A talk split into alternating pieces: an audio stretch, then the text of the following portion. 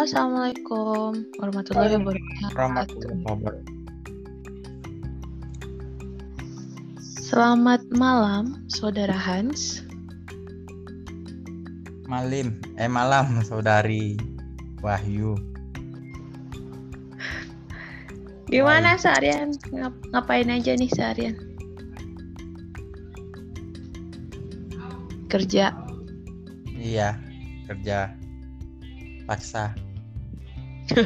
Enggak, enggak, enggak. Banyak di rumah, di kamar aja. Oh, oke. Ngobrolin apa nih kita hari ini? Ngobrolin orang yang kalau dia udah ada masalah terus dia mengungkapkan dengan kata-kata atau dia menulis dengan kata-kata yang tak pantas. Itu gimana menurut Mbak Wai? Siapa itu ya? Siapa itu? Ya kita tidak boleh nyebut orangnya dong. Oh gitu. Eh, itu tuh ketawa dulu deh, ketawa dulu akunya. Ya Allah, astagfirullah, astagfirullah. Jadi gini. Jadi tuh apa tadi gimana? Gimana? Ulangi, ulangi. Oh misalnya ada kita kesel ya ada masalah Ya. terus terus kita ngungkapinnya dengan menulis atau apa ya menghubungi teman terus kita meluapkan emosi kita di teman atau di tulisan itu gimana itu tanggapan Mbak Wai? Itu tuh ada dua sisi tanggapan. Tanggapan orang normal menurut aku sama tanggapan orang yang lagi emosi. Jadi sebenarnya seharusnya dan idealnya. Kalau emang kesel tuh harusnya. Exhale inhale dulu kayaknya ya.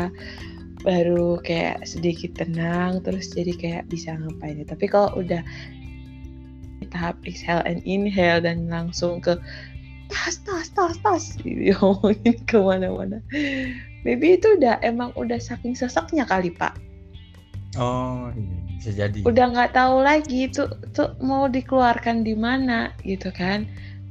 Kalau misalnya maki-maki orang langsung juga kayak nggak nggak etis juga. Bukan berarti teman bukan berarti juga mengizinkan teman yang tiba-tiba dicaci maki atau apa. Enggak enggak gitu juga gitu. Tapi Oh siap siap.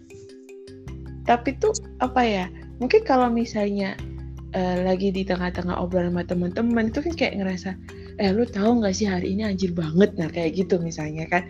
Atau lagi kayak apa gitu kan lagi pusing gitu kan. Itu kayak ngerasa kita pulang ke rumah gitu.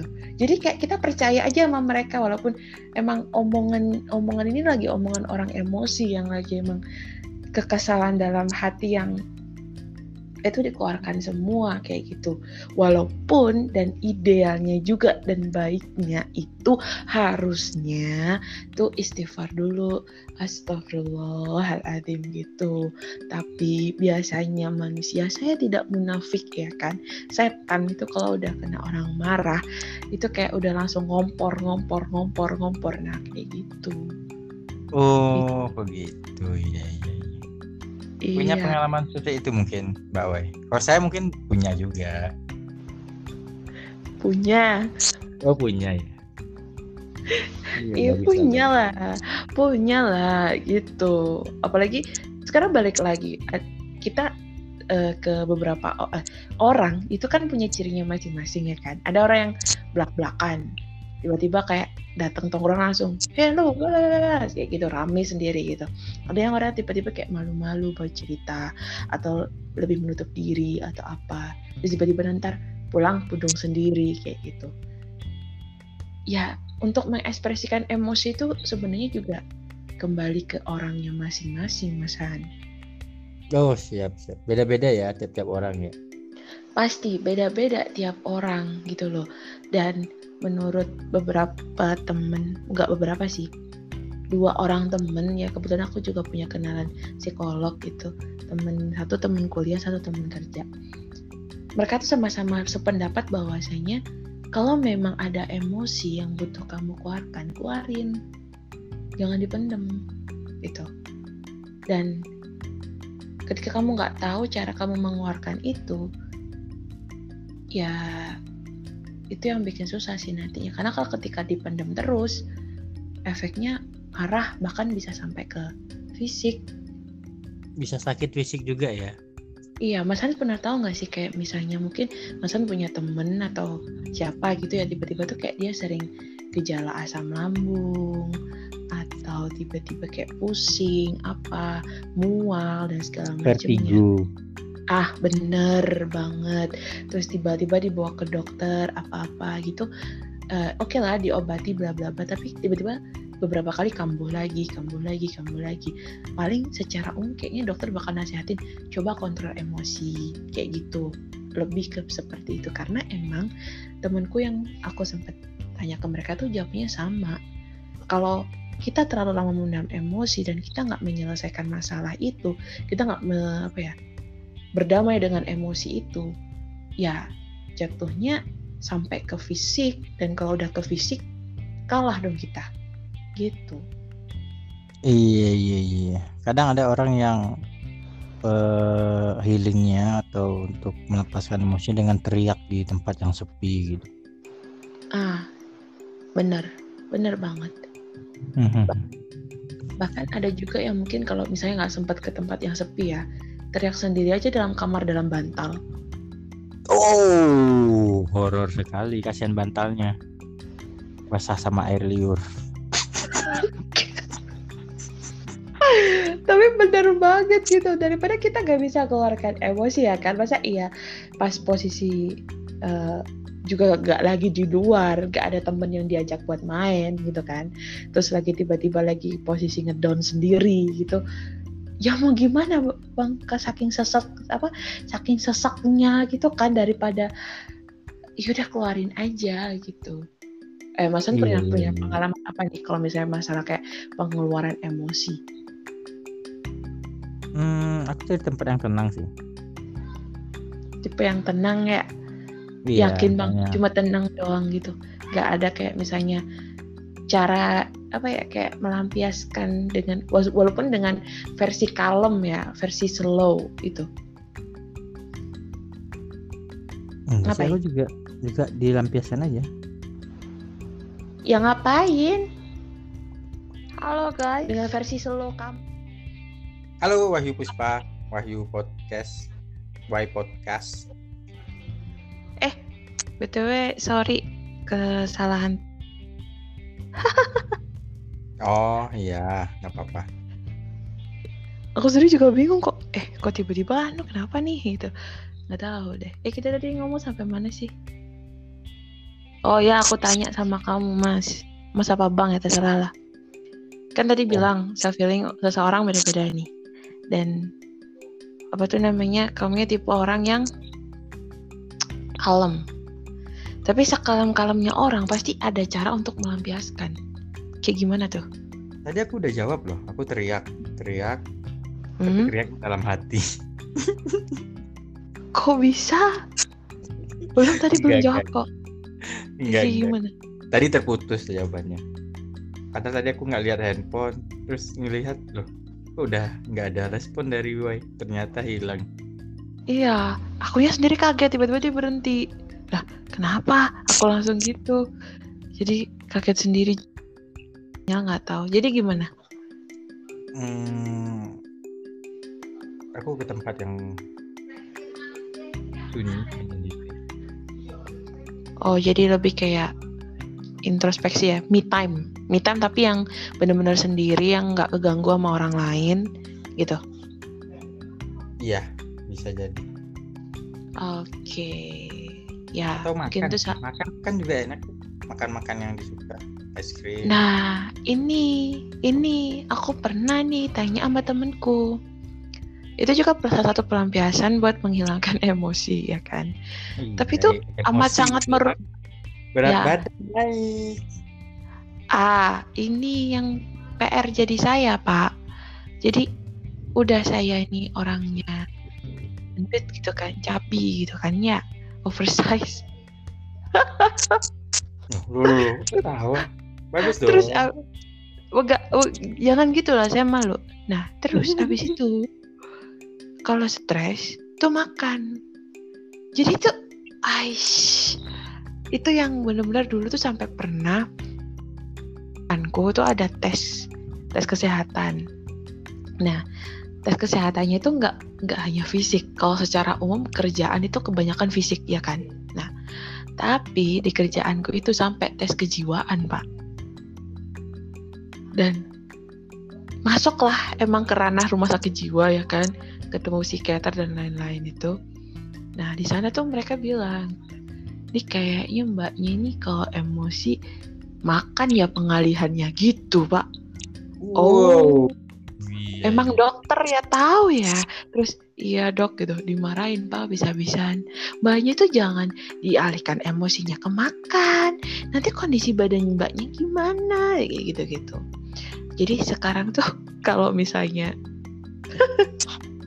pengalaman nih kan masalah emosi tuh sedih, nangis, galau, marah apa pun itu gitu kan. Terutama kayak yang berhubungan dengan sedih lah, mengsetgel gitu kan. Kayak galau apa pun tuh. Kalau dulu langsung pelampiasannya makan. Tapi kalau sekarang mikir, ah jangan makan. berat badan. mikir sekarang, Mbak. Iya, bukan pelampiasannya mikir. Kalau Oh. mau makan, maksudnya tetap tetap tujuannya tuh kayak mau makan.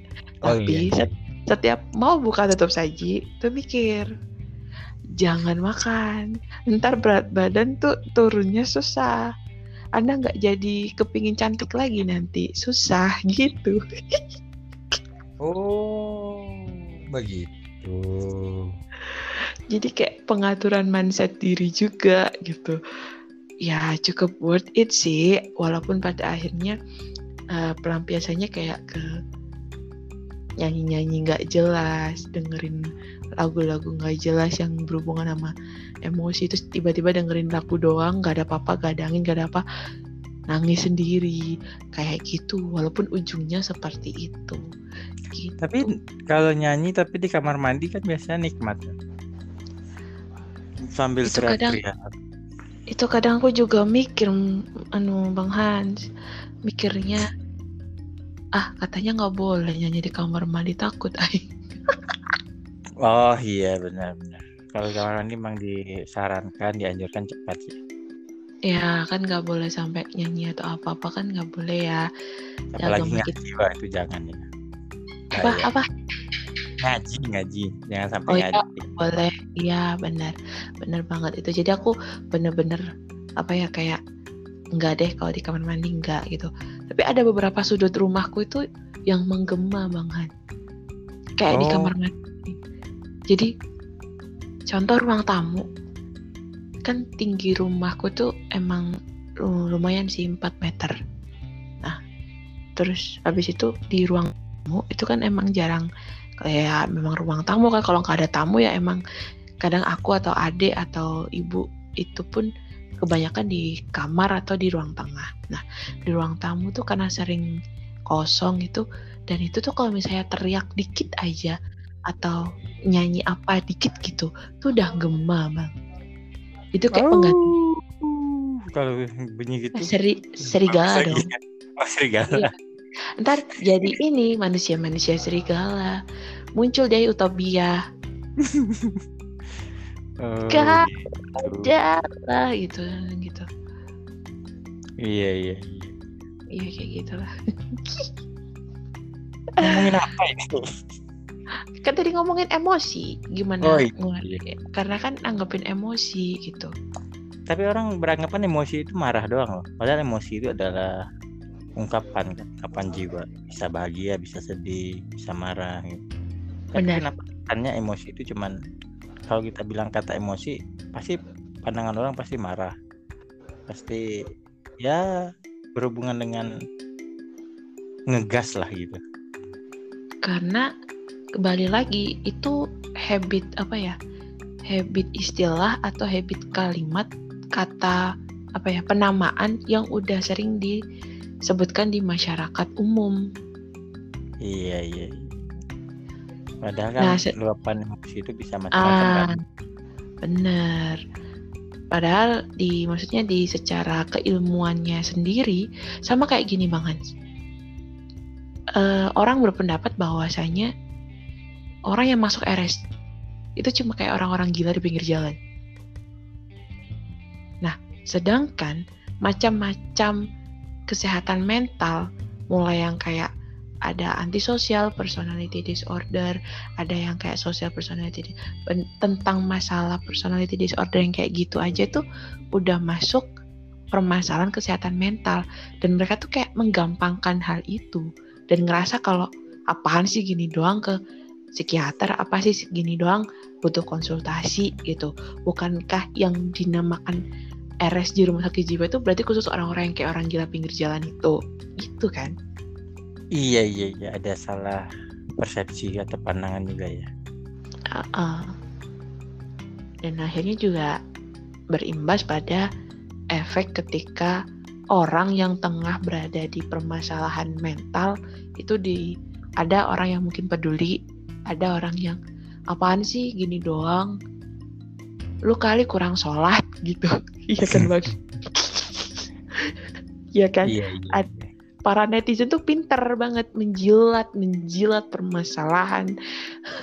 Masyarakat yang kayak begini gitu. Iya sih. Ke agama lagi agama lagi. Solusinya agama agama. Padahal hmm. tidak semuanya. Ya memang agama salah satu solusi tapi Mm-mm. karena akarnya belum ditemukan ya cuman melihat buahnya doang ya. Belum beres juga gitu. Uh, mencari masalah itu harus ke akar akarnya gitu Benar banget, Kak. Kalau Kenapa? Psikiater itu lebih detail kan nanya-nanyanya. ya karena emang tugasnya ya. dia kan buat mendiagnosa nih akar masalahnya apa kan gitu. Iya benar benar benar. Dan emang kayaknya akhir-akhir ini sih orang-orang mulai kayak uh, mau ya menurut aku sih antara mau peduli sama ma eh, mau mulai ngerti tentang bagaimana cara meluapkan maksudnya mengekspresikan berbagai macam emosi yang disebutkan Mas San tadi. Ya aku gak konsisten banget bilangnya habis abang Mas. Iya, biasa-biasa kakek aja. Opa. Iya. Aku tuh merasa kok aku tuh orangnya nggak konsisten. oh iya iya iya. Malam minggu nih. Malam minggu nih ngapain aku? Balik lagi ke podcastku biar produktif. Oh produktif. Ya ya, ya. produktif yang disadur. Pada dasarnya juga gabut kan? Betul betul betul. Tapi balik lagi mas uh, kalau misalnya ke masalah emosi karena aku tadi bilang orang-orang udah mulai peduli. Orang-orang udah kayak mulai ngerasa bahwa oh awareness ya udah mm -mm. perhatian. Ya karena apa tuh namanya? Mungkin karena bantuan media sosial kali ya. Orang-orang mencoba untuk show apa? Show up eh apa? Show off ya istilahnya.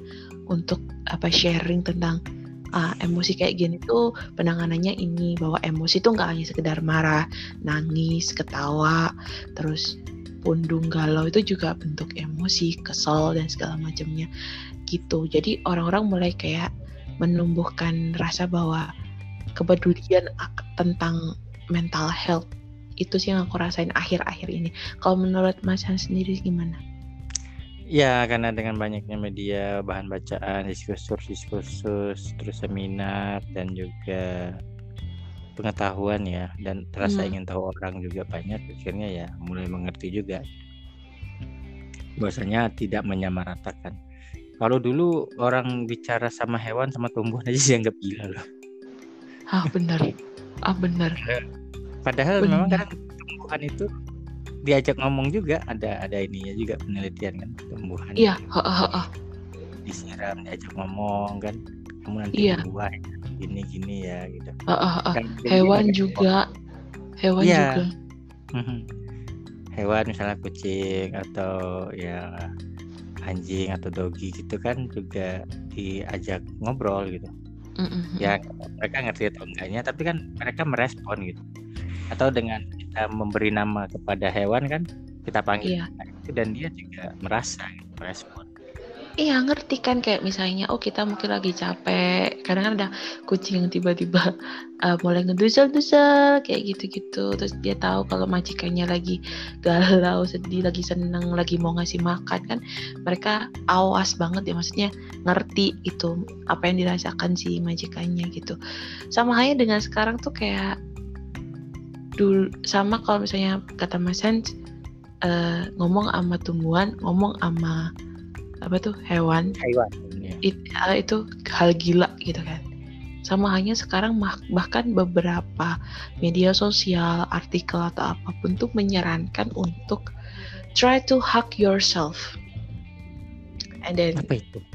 maksudnya cobalah untuk meluk dirimu sendiri dan coba Oh. untuk menjamkan mata sambil ha gimana? Capek nggak? Gimana hari ini kesel ya kayak gitu.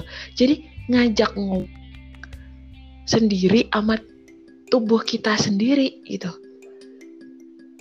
Bahkan bisa yuk bisa yuk gitu ya. Nah, bener. Bahkan ada yang bilang juga istilahnya di mana gitu kalau ini tuh salah satu cara healing juga. Maksudnya eh, cara salah satu cara untuk penyembuhan mental juga gitu. Dan aku pernah ngalamin ini mas San oh iya iya iya. Berapa lama? Yang nggak lama. Jadi maksudnya tuh ada momen di mana tuh udah masalah tuh kayak eh, so heavy berat banget kayak gitu terus.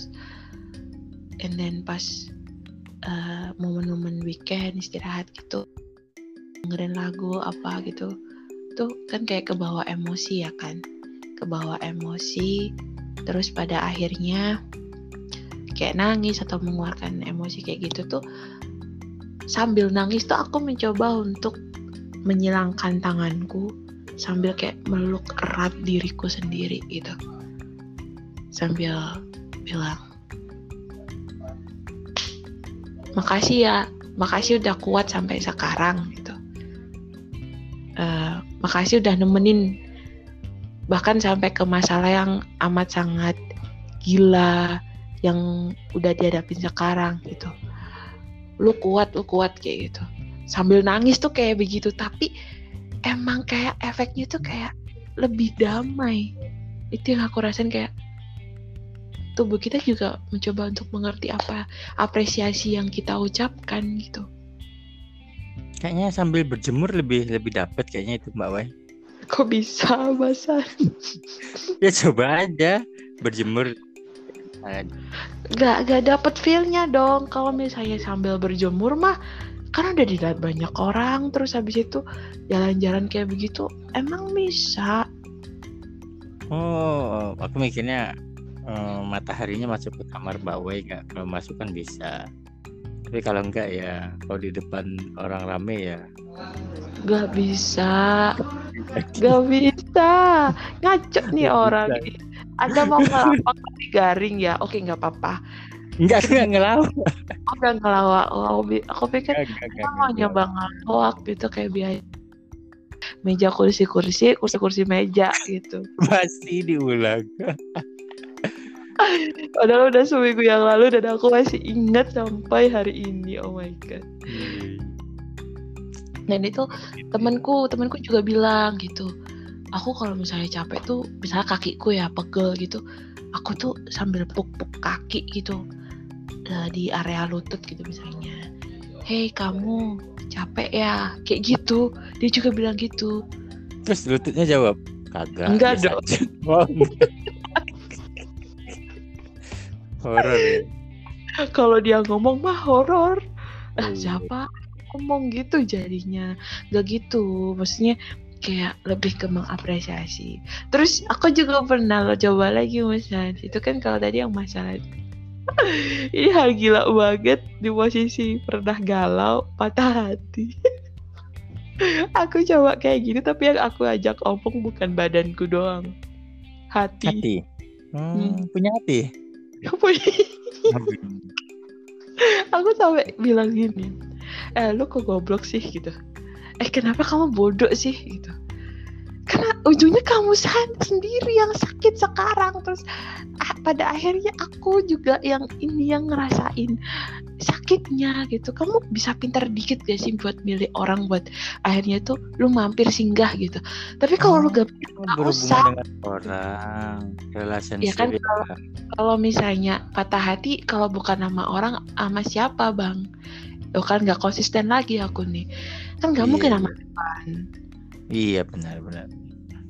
Jadi tuh kayak tapi gak tahu kenapa efek setelahnya tuh kayak lebih long lebih bisa untuk lebih ke ini sama seperti yang kita bahas lalu ke udah, udah buka hati?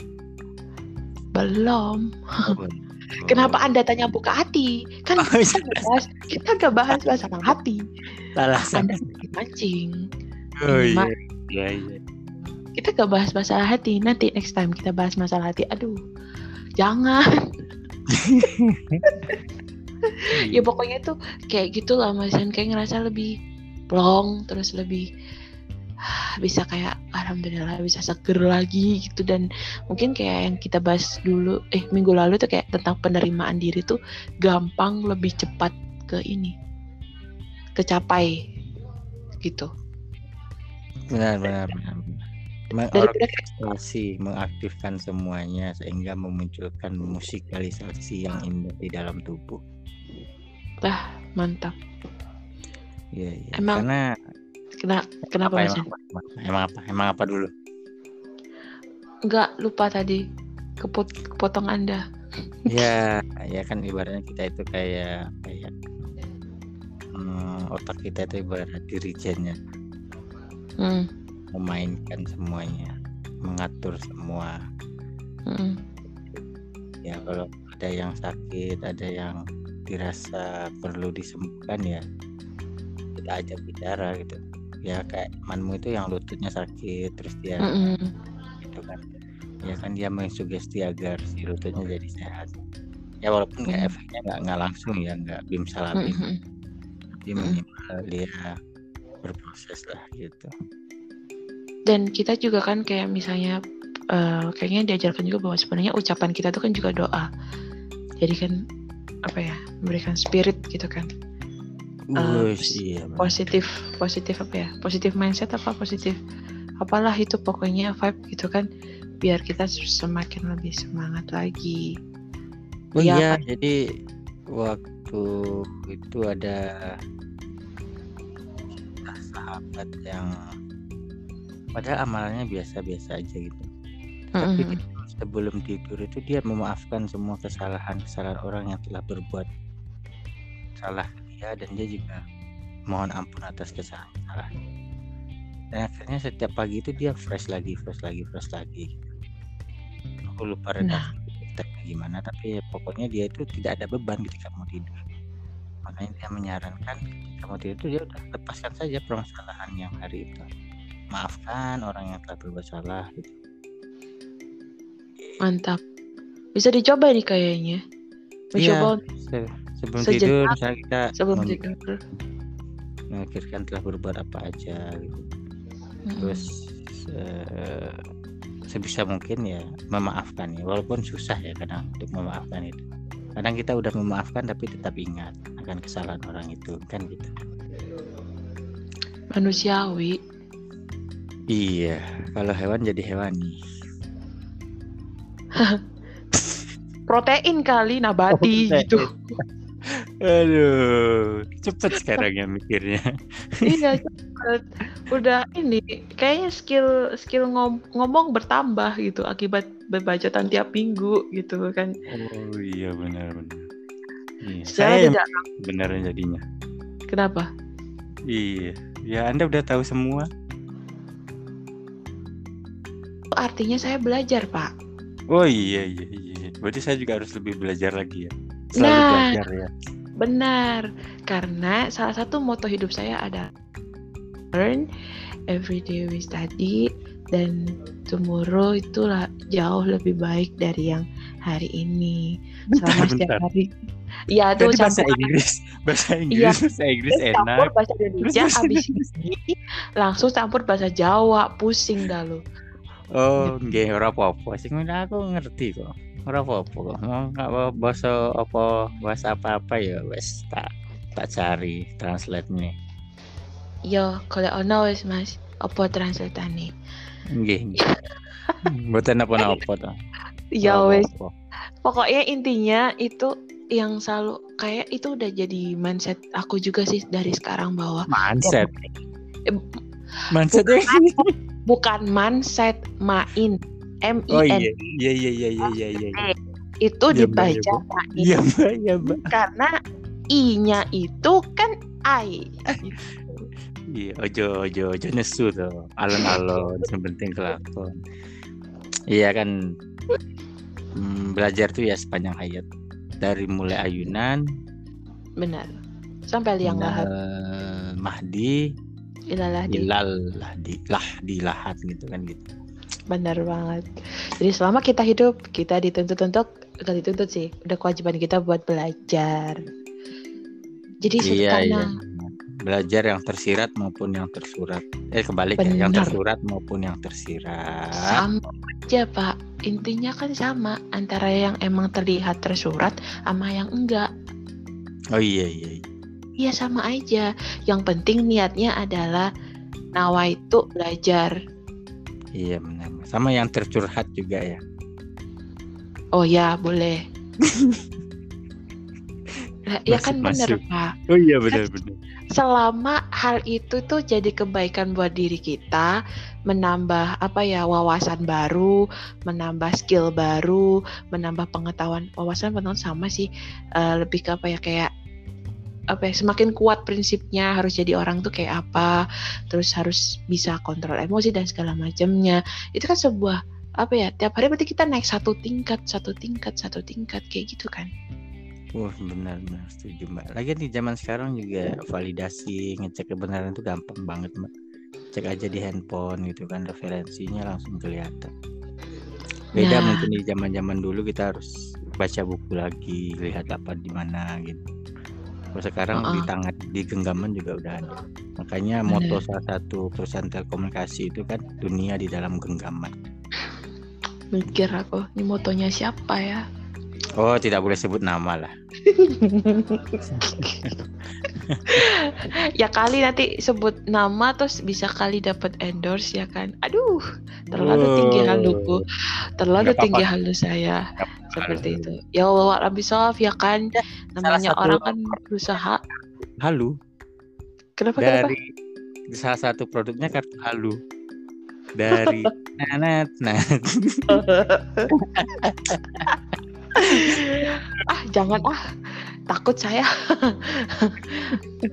Ntar kena kasus netizen lagi di ini. Tuh ya jangan deh panjang nanti. Gitu. Emang kalau bahas emosi nggak ada habis-habisnya. Tapi sekarang mah eh, lebih ke ini sih. Tiap hari semakin karena tadi moto yang tiap hari belajar Alhamdulillah kayak ngerasa tiap hari dipertemukan dengan orang yang sebenarnya juga mereka tuh sumpah sama masalah hidupnya. Tapi dari sana bisa memetik memetik ini memetik apa ya? Bukan memetik buah sih metik hikmah. Uh hikmah iya iya iya. Karena terkadang jawabannya sih yang nggak ketemu.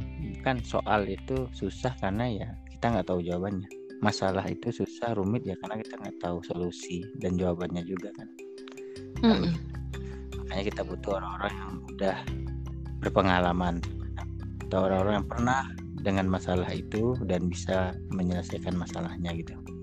Nah ini Walau- nyambung. Aku inget nih kata kakekku sendiri makanya orang-orang itu disarankan atau bukan disarankan sih tapi lebih baik itu emang kayak dia tuh punya entah itu mentor entah itu kalau dalam agama kita berarti ustadz lah atau kiai lah atau mungkin kayak orang-orang lebih Oh, berpengalaman bahasa sekarang itu guru spiritual. Oh, padahal ya itu maksudnya. Iya, kayak tapi emang bener karena keseimbangan, maksudnya keseimbangan fisik itu juga dari hati gitu. Aduh, tukang bakso jam segini ya kan? Padahal- apa apa apa lanjut lanjut lanjut. Ya orangnya nyari rezeki ya kan. Jadi aku Iya. berprasangka baik gitu nggak apa-apa sok atau mang lanjut Tadi kata kakek ya, kakek berkata gitu harus punya mentor, harus punya guru, harus punya ah. penasehat gitu. oh kan TikTok lagi TikTok Gak apa-apa itu iklan itu iklan TikTok itu. Tadi juga ada temanku dia aku mau Kenapa? menghubungi dia. Dia kata mau sholat dulu. Terus ternyata Tapi belum belum sholat tapi TikTok ngeliat karena TikTok. gitu. TikTok jadi TikTok TikTok TikTok gitu jadi karena scroll TikTok akhirnya baru keikat oh udah jam 7 lebih nih jadi Iya. ditaruh itu saya Oh itu mbak ternyata. Iya iya. Enggak enggak saya enggak menyalahkan. Cuman mengingatkan. Bilang gini kenapa sih orang kok butuh kayak gitu karena emang emang kita tuh sebagai kayak umat manusia atau umat beragama pasti udah meyakini adanya Tuhan meyakini punya pedoman dari kitab suci dan lain-lain. Tetapi dengan kayak guru dengan orang yang lebih luas lagi ilmunya daripada kita kita tuh jadi lebih tahu bahwasanya kalau kita salah saling mengingatkan. Kalau kita lagi kayak emosi meluap-luap atau apa gitu ada yang kayak lebih oke lah slow down please gitu Eh, coba di apa ya dikeluarkan pelan-pelan terus nanti dari orang-orang yang seperti mentor dan segala macam mereka pasti kasih ngasih ini eh, kayak step by step. Iya, itu Benar. saya bilang. Benar. insight terus habis itu kayak ngasih setidaknya walaupun bukan solusi terpercaya yang sampai benar-benar masalah tuntas. Tapi itu kayak step by step gitu loh. Habis ini terus ini habis ini coba ini habis ini try ini kayak gitu. Dan itu lebih adem. Sepakat sepakat. Setuju setuju. ya begitu. Indah kali ya bahasan kita malam ini. Cukup Oh, iya. terstruktur dengan baik ya. Oh iya dong. Itu kan. berarti eh, anu ya mungkin amatir kita yang level 1 bisa naik nih enggak lah tetap lah. Kita harus tetap istiqomah. Sebagai no lab. Astagfirullahaladzim Kenceng kali aku kalau ketawa Maksud ya maksudnya bukan sebagai nolep Sangkanya kan eh, dari ini Apa tadi dulu yang kamu bilang Norak norak norak. Kalau nggak no lab Bu- ya norak. Oh bukan. kan Bukan. Level level ini Noob. Noob ke amatir Kalau noob kan emang baru Baru banget. Kan saya udah lebih Episodenya Iya. daripada 5 Jadi udah jadi amatir. Dan sekarang amatirnya ningkat lagi. Tingkat levelingnya gitu. Iya iya. Jadi medium. Atau ini Level 1 Level 2 Mi, mi setan kali Ah jadi Hmm. Mie gacuan lah di Bandung. Eh nyebut merek, menyebut brand. Ada kali di Malang juga mie Oh ada juga. Oh, Ada kira. kok. Kok kopain saya Terus kirim gacoan ke rumah saya Aduh, seru kali. Ya udah, eh, next time kayaknya ada bahasan seru lagi nih Mas. Aku pengen ngebahas ini. Tadi emosi udah, terus kayak kontrol emosi dan yang lain-lain. Aku pengen bahas lintas generasi Mas An. Gimana gimana lintas generasi? Kayaknya kita, oh kalau kita masih kayak masih satu generasi sih. Kita Hmm. ngebahas generasi yang di bawah kita. Kayak ini teman kita yang satunya, Vanilla. Oh, anak kisaran belasan tahun di bawah 20 lah ya, di bawah 20 Ah, tahun. under bawah. 20. Under 20 kan mereka masuk ini nih, generasi Z. Mhm. Seru tuh. Karena sekarang tuh kayak apa ya? em, orang-orang maksudnya yang lebih tua dari kita gitu. Kalau di di di kita maksudnya di angkatan-angkatan kita tuh kita masih kayaknya bis- masih bisa ngerti lah pola tingkah adik-adik kita ini kan maksudnya bagaimana kontrolnya bagaimana cara ngajak ngomong sharing dan segala macamnya tapi orang-orang yang di atas kita tuh kayak ngerasa gini bang ya gak bisa mereka diajak kayak gitu. Mereka harus dimarahin. Mereka kayak gini kalau nggak gitu mereka nggak akan ngerti. Kayak gitu. Ada gap generasi ya? iya. Dan Hmm. efek ge- generasi ini juga sampai ke ini. Masuk ke ranah-ranah maksudnya kayak sosial mereka terus persepsi mereka terus motivasi hidup. Aku bilang motivasi hidup tuh karena emang aku ada problem-problem di lapangan tuh yang aku sampai kayak gini. Kayaknya dulu aku sekolah tuh nggak sampai mikir sebegitu ini tapi kenapa mereka kok sampai sedetail ini sekarang gitu bang? Eh, aku kasih contoh ya mbak We kadang eh, mereka bikin postingan bikin apa gitu itu mereka merhatiin loh berapa yang like berapa yang komen apa apa gitu padahal di kita kan biasa aja ya. Kalau mbak We misalnya bikin postingan apa direspon nggak direspon ya bagi kita itu biasa ya. tapi mereka itu jadi bahan pikiran. Nah ini. Like-nya cuman ya, Cuman ini. 10 gitu. Biasanya like-nya Hmm, misalnya bener. 300 berapa gitu benar. nah kurang dia jadi bahan pikiran gitu. Benar-benar ini kayak cocok Ya. nih. Next time kita bahas ini deh kayaknya ya. Karena ya harus ada ini Harus- juga. Harus ada siapa ya? Ada pembanding lagi. Ada Atau compare peran lah, company iya pemeran aslinya ya. Jadi kita Pemeran- bisa dapat perspektif dari dia kan pandangan dari dia gimana oke Nah, boleh mungkin karena dia menurut aku mungkin karena mereka udah terbiasa dengan gadgetnya udah, ter, udah terbiasa dengan medsos gitu. Dan ya itu masih generasi juga, gitu. mereka mas. Hans. yang lebih ngeri lagi generasi alpha. Brojol keluar udah konten mak bapaknya mulai dari Iya, iya. hamil udah konten nih ya terus habis itu melahirkan sesar konten. Baru masih dari perut belum dibersihkan konten. Anaknya baru bisa melek biar konten. Nah itu generasi alpha tuh jauh lebih wow lagi nanti mereka ke Hmm, teknologi itu. karena orang tuanya udah ini ya udah melek teknologi banget ya orang tuanya juga ya. Iya. Ah, makin seru lah. Eh, nanti kayak bisa deh undang itu salah satu teman kita yang menjadi pemeran asli. Asik pemeran asli. Bukan sih. Pelaku lapangan. Aduh kok gitu banget ya bahasanya. Apa ya bang? Memang usianya segitulah gitu. Bahasanya kok dipersulit gitu. Ya kadang emang otakku ini kalau misalnya udah terlanjur kadang butuh seanu kayak lebih suka sulit daripada yang mudah gitu. Iya, selama masih bisa dipersulit kenapa dipermudah? Kan begitu ya. Oke. Oh.